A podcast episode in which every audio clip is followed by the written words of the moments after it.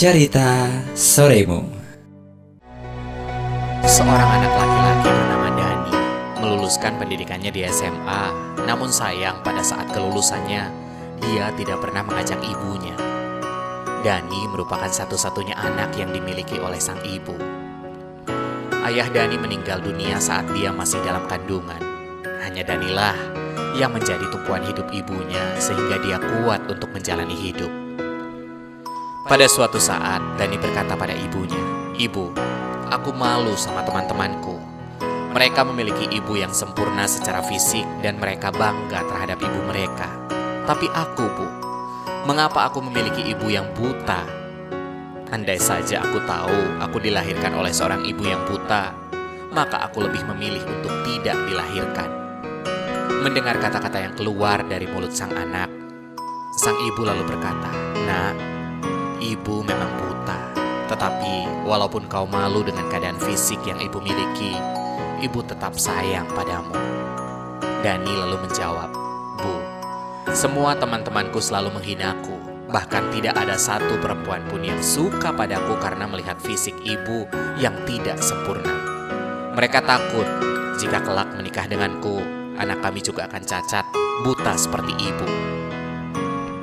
Mendengar perkataan anaknya, sang ibu begitu terpukul dan menangis. Namun demikian, sang ibu tetap sayang dengan anaknya dan tidak henti-hentinya ia berdoa untuk anaknya. Detik berganti menit, menit berganti jam, jam berganti hari, dan akhirnya Dani menyelesaikan pendidikan sarjana di Fakultas Teknik. Betapa bangganya hati sang ibu mendengar anaknya akan diwisuda. Tidak sia-sia pengorbanan sang ibu selama ini dengan berjualan di pasar untuk menyekolahkan anaknya. Tidak kenal lelah, ia bekerja walaupun dalam keadaan matanya yang buta.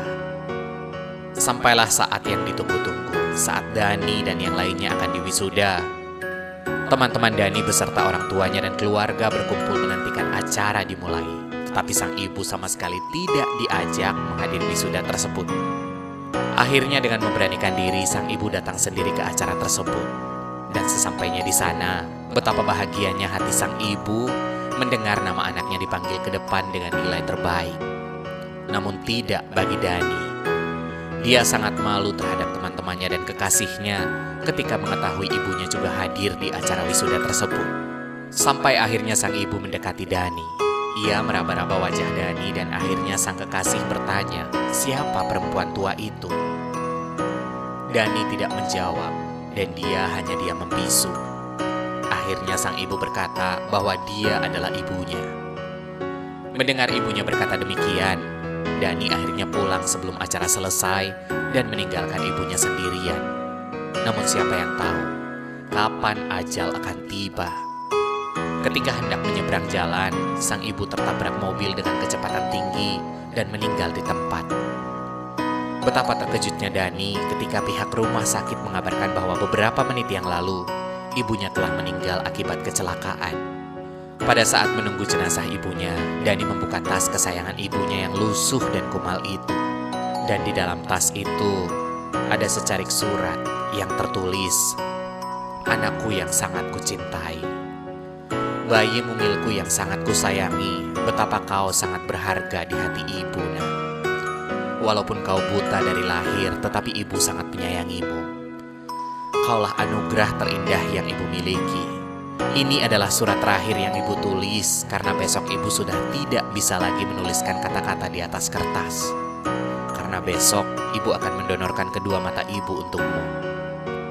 Agar kelak kau dapat melihat dan menikmati indahnya dunia, anugerah yang diberikan Tuhan. Anakku, suatu saat jika ibu sudah tiada dan kau ingin melihat ibu, berkacalah nak, karena di matamu ada ibu yang selalu menemani. Cerita Soremu